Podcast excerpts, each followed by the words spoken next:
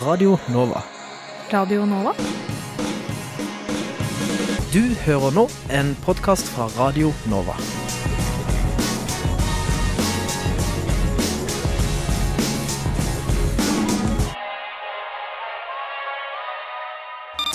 Studentnyhetene.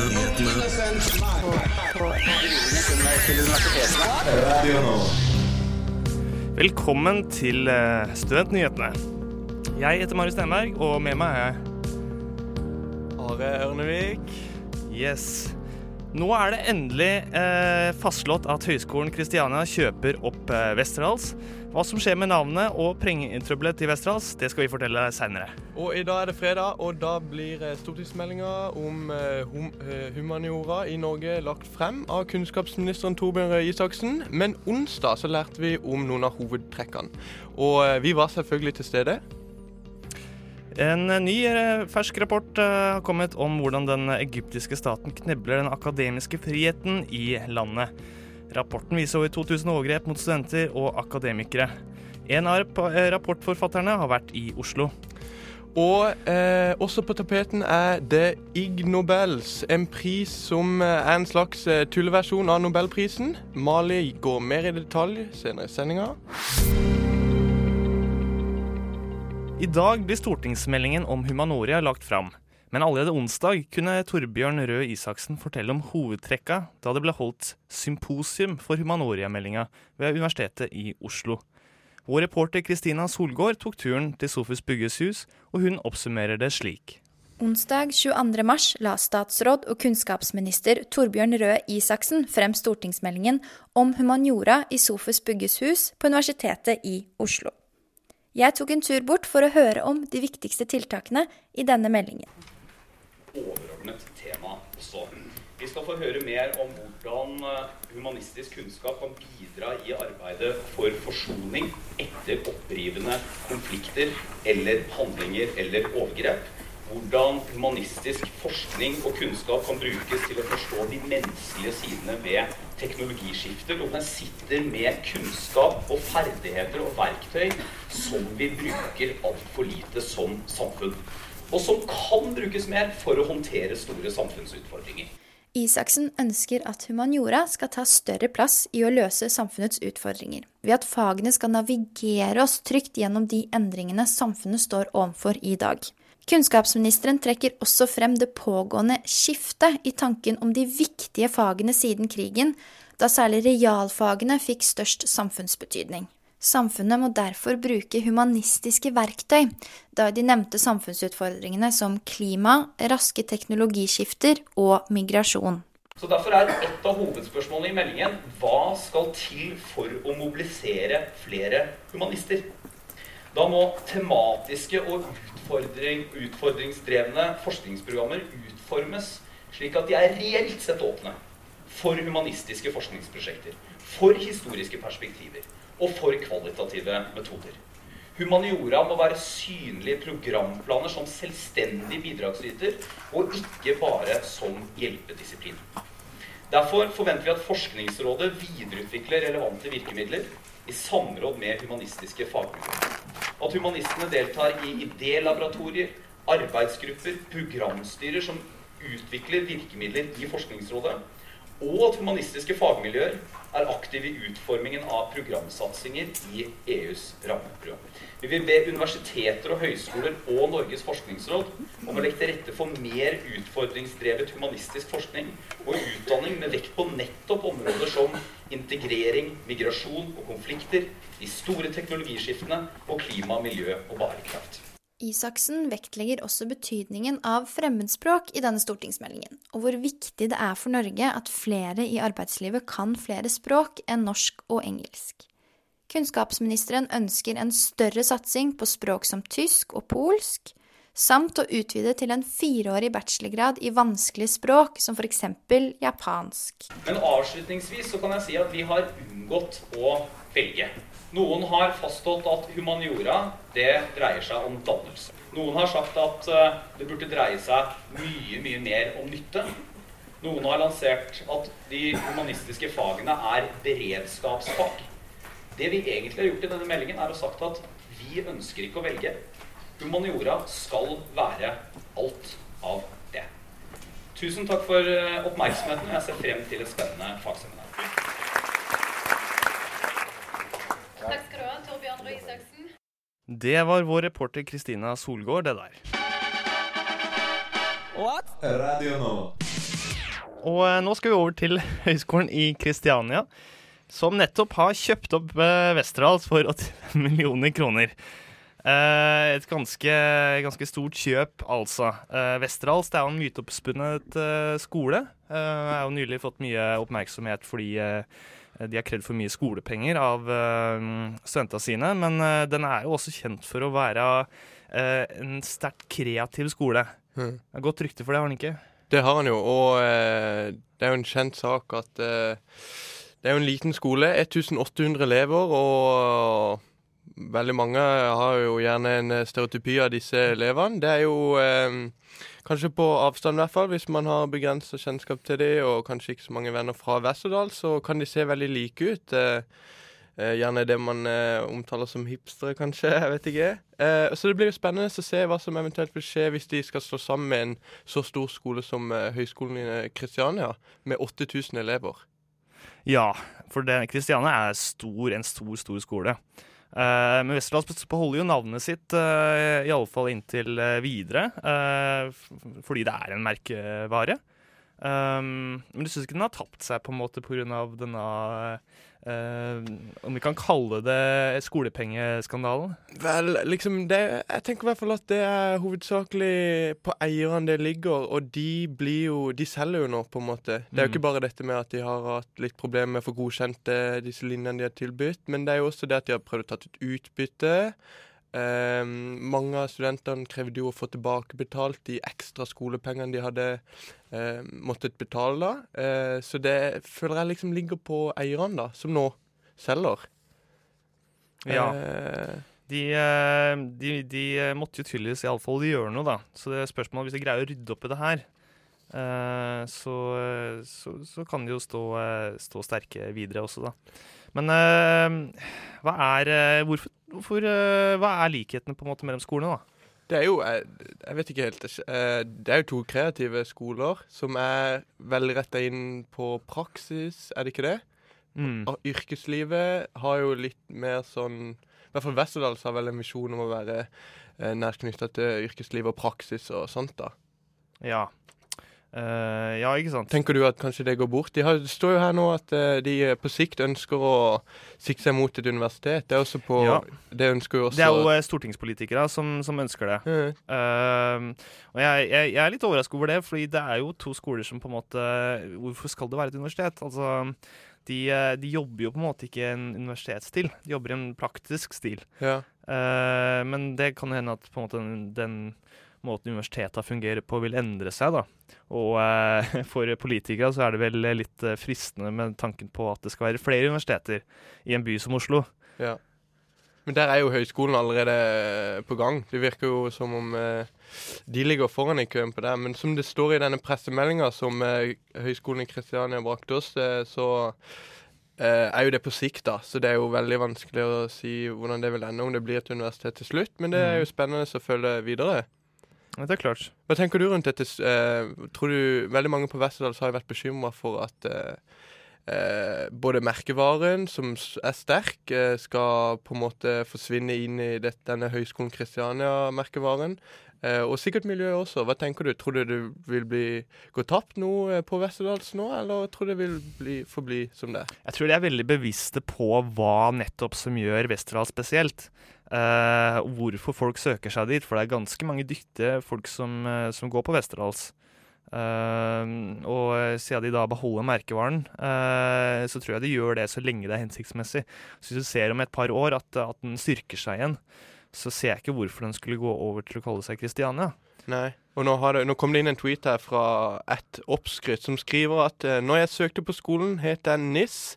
Når jeg startet, het den Westerdals. Og når jeg slutter, blir eh, det en skole under Høgskolen Kristiania. Det, Det har jo, det har jo vært veldig mye mm, som har skjedd rundt denne skolen. Sikkert veldig mange er lei av og, eh, at det hele tida skal skje endringer og spørsmål rundt deres eh, vitnemål, f.eks.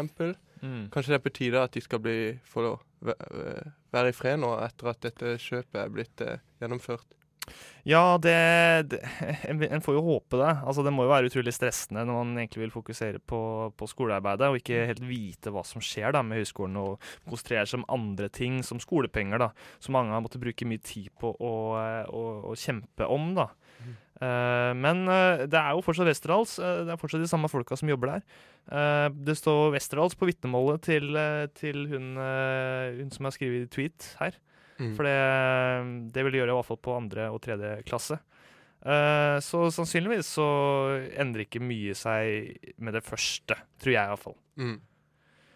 En ting er jo den konkurransen da mellom skolene. Den vil jo forsvinne sannsynligvis da. Ja, for det er, hvilke kreative, det er jo ikke noen kreative skoler igjen, på en måte, annet enn ja, Kunsthøgskolen og litt sånn spesielle skoler, da. Men Mm. eh, det, de, de får jo på en måte litt monopol på det der, da. Ja. Samtidig skal de konkurrere med seg sjøl, I hvert fall i starten.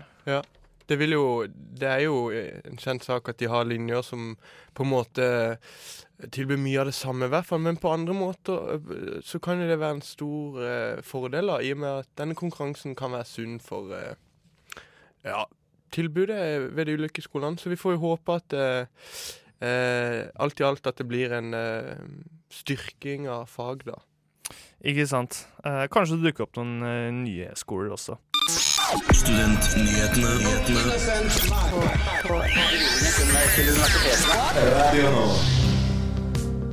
Det eksisterer eh, mye forskning, eh, men ikke alle kan få nobelpriser for det. Derfor har eh, Mark Abrahams laga det IG, no, IG Nobels. Vi har alle hørt om eh, nobelprisene som blir gitt ut her i Norge og i Sverige. De blir da gitt ut noe som har gjort et kulturelt, vitenskapelig eller politisk framskritt, og som fortjener da å bli anerkjent. Men da blir det jo veldig mange som ikke får de prisene, og ikke blir anerkjent, som kanskje burde bli det. Som blant annet han her. the prize that went to Case Muliker for his report that's the first scientific report of homosexual necrophilia in the mallard duck. Mark Abrahams har tatt på seg det ansvaret og lagd Ig Nobel, og han kan forklare litt mer hva det går ut på. The Ig Nobel Prizes honor things that first make people laugh and then think. That's it. Things that are funny when you first hear about them. And then a week later, you're still thinking about it. It's bouncing around in your head, and you want to tell your friends about it and argue about it. Categories sometimes change. Every year we have a physics prize and a chemistry prize, biology prize. We almost always have a Ig Nobel Peace Prize. But every year also some of the categories change because some of these things are so unusual that it's difficult to think of a category that fits them. So sometimes we invent a category, safety engineering or managed healthcare uh, or art. Um, it could be anything. I kveld skal Mark Abrahams ha et show på UiO klokka tre i Sofus Lies auditorium. Og han skal da ha med seg han dr. Keith Molaker, som dokumenterte homofile nekrofile tendenser i ender. Han skal også ha med seg Nadia Dominici, som har funnet det vel er fysisk mulig for noen mennesker å springe over overflata på en dam, hvis den dammen var på månen. Og dr. Pierce Barmes, som har kalkulert for hvor mange bilder du må ta av en gruppe mennesker, og passe på at alle mennesker da har åpne øyne. Ja, det var morsomt, Kit. Eh, da, eh, tydeligvis har det blitt en IG Nobelpris for noen forskere som har funnet ut at eh, hvis det klør på venstre side av kroppen, kan du stille deg et speil og klø deg på høyre side. Og da vil det slutte å klø. Og omvendt. I samarbeid med Studentenes og Akademikernes internasjonale hjelpefond, SAIH, og den egyptiske ytrings- og menneskerettighetsorganisasjonen AFTE, La Amira Abdelhamid, fram en rapport som avdekker grove overgrep mot studenter i Egypt, utført av den egyptiske stat i tidsrommet 2014 til nå. Og da har de registrert over 2000 overgrep, som innebar alt fra utvisning til dødsfall, eh, etter at politiet har slått ned på demonstranter. The report reflects the state of uh, violence and the state of fear in Egypt in the past three years since the July military coup. Students have been violently targeted since the academic year 2013 2014, which was the worst academic year in Egyptian contemporary history. Uh, students were targeted uh, through arbitrary arrests based on their political activity. Um, they expelled many students um, based on their alleged political activity as well. Um, and there, we documented, unfortunately, um, 21 extrajudicial killings um, in university campuses uh, of students by security personnel anyone who voices any opposition against the current regime, against the Sisi government, and against the military dictatorship uh, is silenced and is accused of being a terrorist uh, or a Muslim Brotherhood sympathizer. The war on terror, uh, or the alleged war on terror that the, uh, President Sisi has been uh, using to justify any violent attacks on um, the student uh, movement or on the larger civil society. Egypts president Abdel Fattah al-Sisi bruker kampen mot terrorisme som et argument for å slå ned på alle som viser noen form for politisk opprør.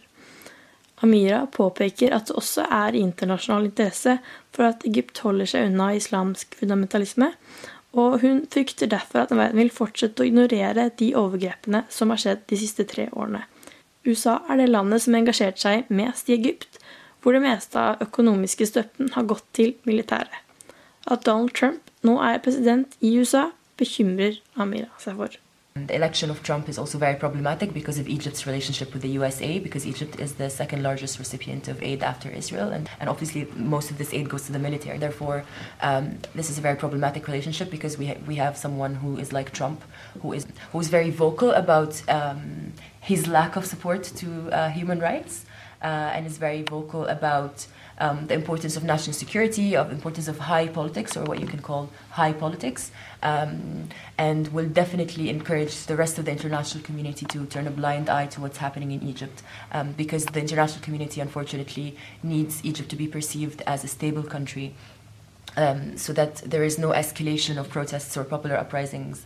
What should the, the international society do? Um, of course, continue with um, pressuring governments, uh, continue with using diplomacy as means to uh, pressuring the Egyptian government. But at the same time, I feel like academics and students in uh, Norway, for example, can be um, a good asset um, in terms of um, maybe getting in touch with Egyptian academics, getting in touch with Egyptian students, and forming solidarity groups, um, empowering each other as well. Because I feel like if students in Egypt know that um, they have the support of students elsewhere, then that would, for them, give them the courage to again uh, start their activism. Because after this intimidation, after this culture of fear, um, the students unfortunately now are not active at all. Studentenes og akademikernes internasjonale hjelpefond, SIH, jobber med nettopp det å støtte studenter i andre land gjennom informasjonsspredning og utveksling.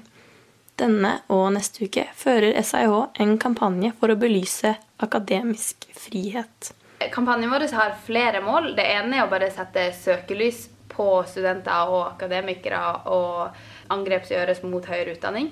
Eh, men så har vi også politiske mål, og et av dem er å gjøre Students at Risk-ordninga i Norge permanent. Students at Risk er en ordning som gir eh, studentaktivister eh, som er utvist, forfulgt eller trua pga. sitt engasjement, en mulighet til å komme til Norge for å fullføre sine studier.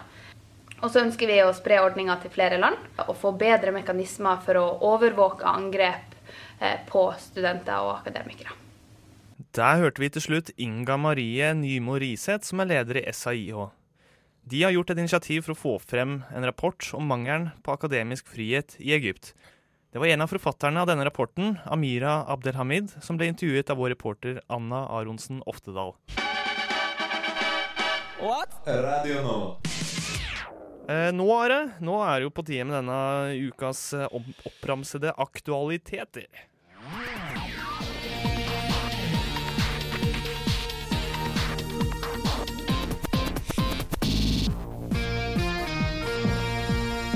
Det er det, vet du. Og jeg kan eh, først begynne med at eh, Norsk studentorganisasjon eh, sin valgkomité presenterte mandag sin innstilling på seks studenter som skal lede Norsk studentorganisasjon det neste studieåret. Valgkomiteen i NSO har innstilt Hans Christian Paulsen, som eh, noen eh, sikkert kjenner som eh, eh, leder for studentparlamentet ved Universitetet i Oslo. Han er valgt til leder eh, for NSO, og eh, til nestledervalget så ble Anna Helene Bekke innstilt. Eh, landsmøtet i Norsk eh, studentorganisasjon 2017 avholdes i Tønsberg denne helgen og begynner i dag, fredag. Så kan vi også melde om at vinneren av Nobels fredspris i 2014, Malala, ønsker å studere ved universitetet i Oxford neste år. Det fortalte hun når eh, hun var under en eh, pressekonferanse eh, forrige lørdag. Allerede har hun vært på intervju hos skolen, og det melder The Independent i Storbritannia, som også kan fortelle at hun ønsker å kombinere studiene med driften av hennes fond, Malala-fondet, en nasjonal veldedighetsorganisasjon som jobber for at alle jenter skal ha mulighet til minst tolv års utdanning. Vi håper det lar seg kombinere. Og så kan vi også melde om at eh, som vi alle vet, da, så eh, har jo de fleste universiteter en egen studentprest. Men nå vil studentpolitikerne ha en egen imam på Universitetet i Bergen. Det skriver avisen Dagen.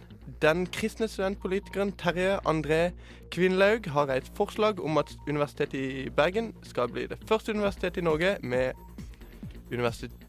med sin egen studentimam.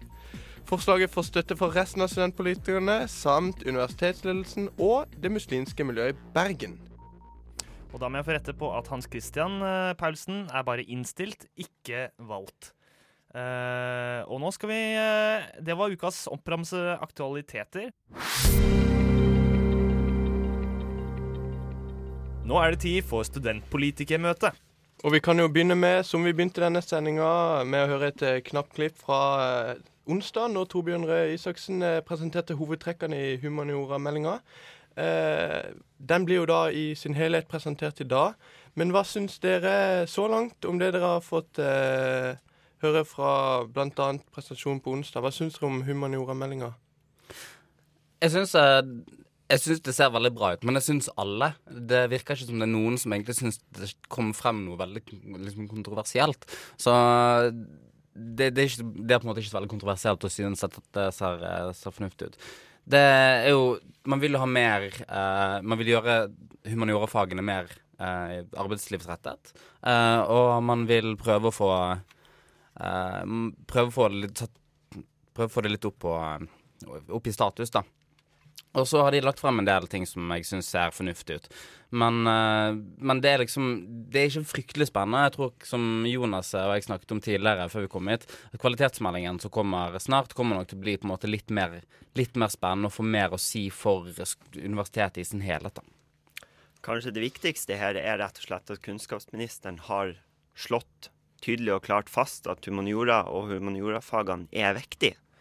For det er de. Og spesielt når man står overfor store samfunnsutfordringer, så trengs humaniora for å kunne løse disse.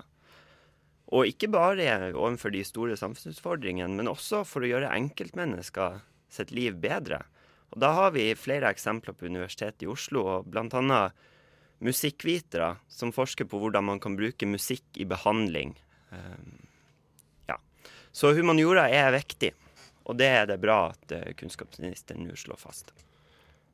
Eh, ellers så har det jo vært støy mellom OSI og SIO. Eh, en OSI-trener skrev et innlegg denne uka i, til Universitas hvor han eh, sier at han trekker seg som trener for OSI Fektim pga. SIO sitt økende inntog i treningen.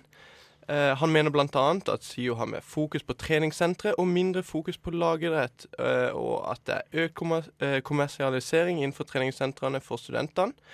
Eh, han snakker jo bl.a. om at eh, han ønsker politisk handling.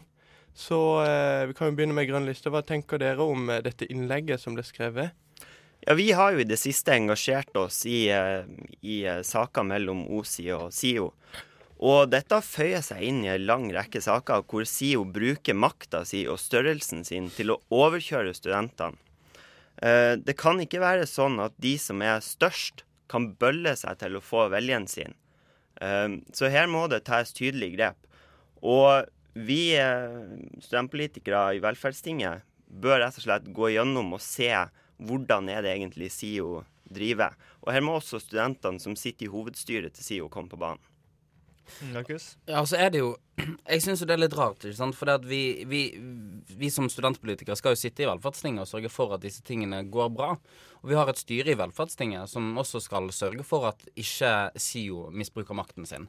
Og når man da ser at dette angivelig har vært en trend over mange år, og at man ser at de frivillige tilbudene eh, fra studentene som konkurrerer mot SIO, taper mot SIO, så mener jeg at vi som er representanter i Velferdstinget, bør se på organisasjonen, se på måten vi lager politikk på der, og så bør vi finne ut hva som potensielt har gått galt.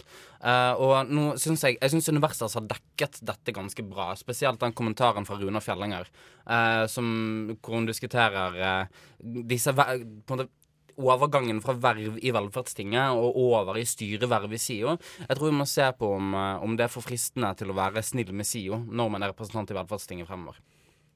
Ja, det er klart det at Velferdstinget kan ikke bli et sted hvor det viktigste er å få verv og klatre oppover i en slags karrierestige.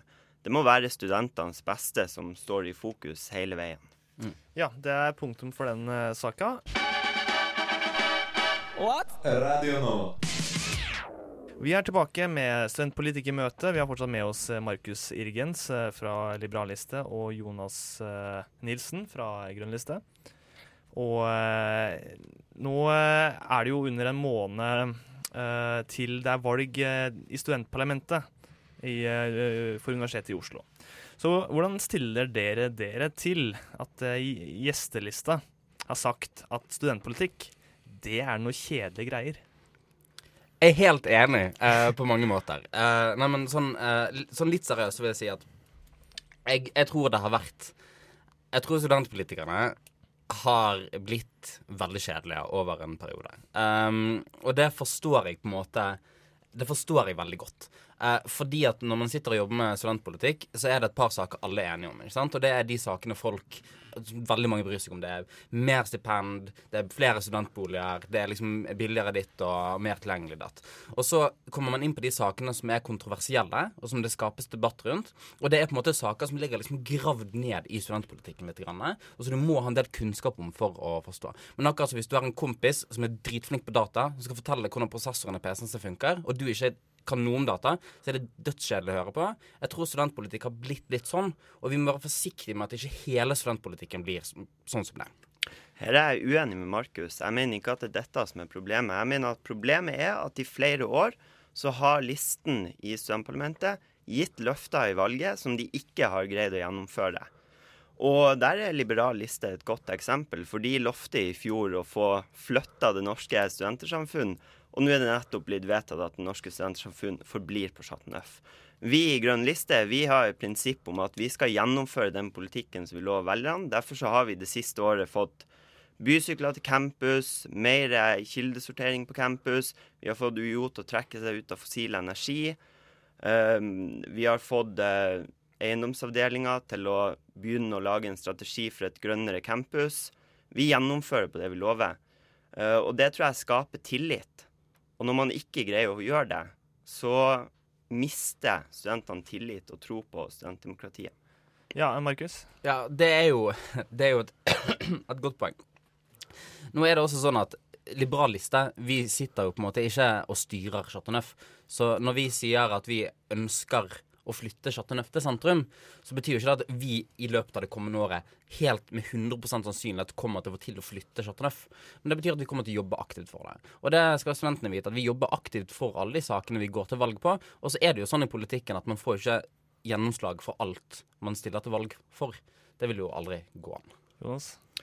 Ja, problemet er jo at man gir løfter sånn som det med Det Norske Studentersamfunn, som man vet at man ikke kan påvirke, fordi det er medlemmene i Det Norske Studentersamfunn som bestemmer hvor man skal være.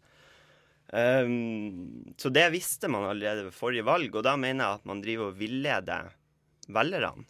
Og det blir helt feil. Men Jonas, det er jo også veldig mange unge mennesker eh, som eh, ikke nødvendigvis alle er like politisk engasjerte. Man har på en måte litt sånn høyere terskel for, uh, for å følge med på, uh, på ting som, som, kan være litt kjedelig. Det burde ikke være litt mer krydder i studentpolitikken, da? Absolutt, og det er jo derfor det er veldig bra med lister som tar opp ulike saker og ulike lister med ulike plattformer. Men hvis man ikke greier å gjennomføre den politikken man har, så hjelper det ikke at man har spennende saker. Så i eksempelet med gjestelista, så bør det jo etter hvert, hvis de får gjøre et godt valg, nå komme Vinmonopol på Blindern, Olafia klinikk, tivoli, Fysikkbakken. Fordi de må gjennomføre på det de lover. Det samme skal vi gjøre, og det samme bør Liberalliste gjøre. Ja, men da tror jeg også, Jonas, at alle studenter på Jeg håper alle studenter på universitetet skjønner at ingen fra gjestelista sitter jo i styret til Vinmonopolet og kan velge å flytte Vinmonopolet-butikk til, til Blindern. Alle skjønner jo at dette er noe de kan jobbe for, men som kanskje, kanskje skjer, kanskje ikke. Så jeg, jeg tror det må være mulig å, å å liksom reach for the stars også i studentpolitikken, og, og prøve seg på ting som man vet, ikke kan vite med 100% sannsynlighet at man får til. Og Hvis, hvis gjestelista ringer til liksom et sirkus eller et tivoli og sier sånn Hei, vi vil ha tivoli på Fysikkbakken, og de sier sånn Det kommer aldri til å skje, så har de i hvert fall prøvd, da. Det... Absolutt. Det er bra å ha høye mål, og det er bra å ha mål som man ikke nødvendigvis når på en periode.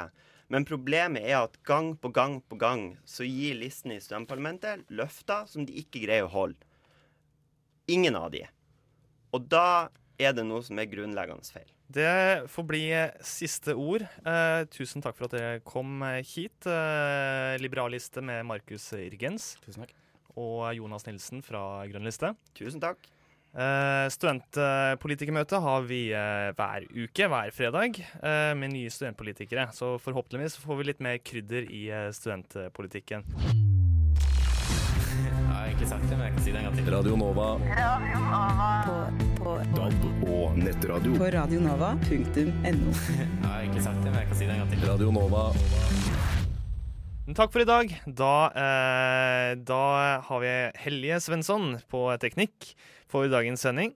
Uh, du er Are. Yes. Og jeg vil òg gjerne takke for uh, følget i dag. Yes, Marius Stenberg. Og du må huske å følge oss på sosiale medier. Eh, Facebook er vi på, Twitter og den eh, siste, Are. Podkast. Ja. Og Instagram. Selvfølgelig. Du har hørt en podkast fra Radio Nova. Likte du det du hørte? Du finner flere podkaster i iTunes og på våre hjemmesider radionova.no.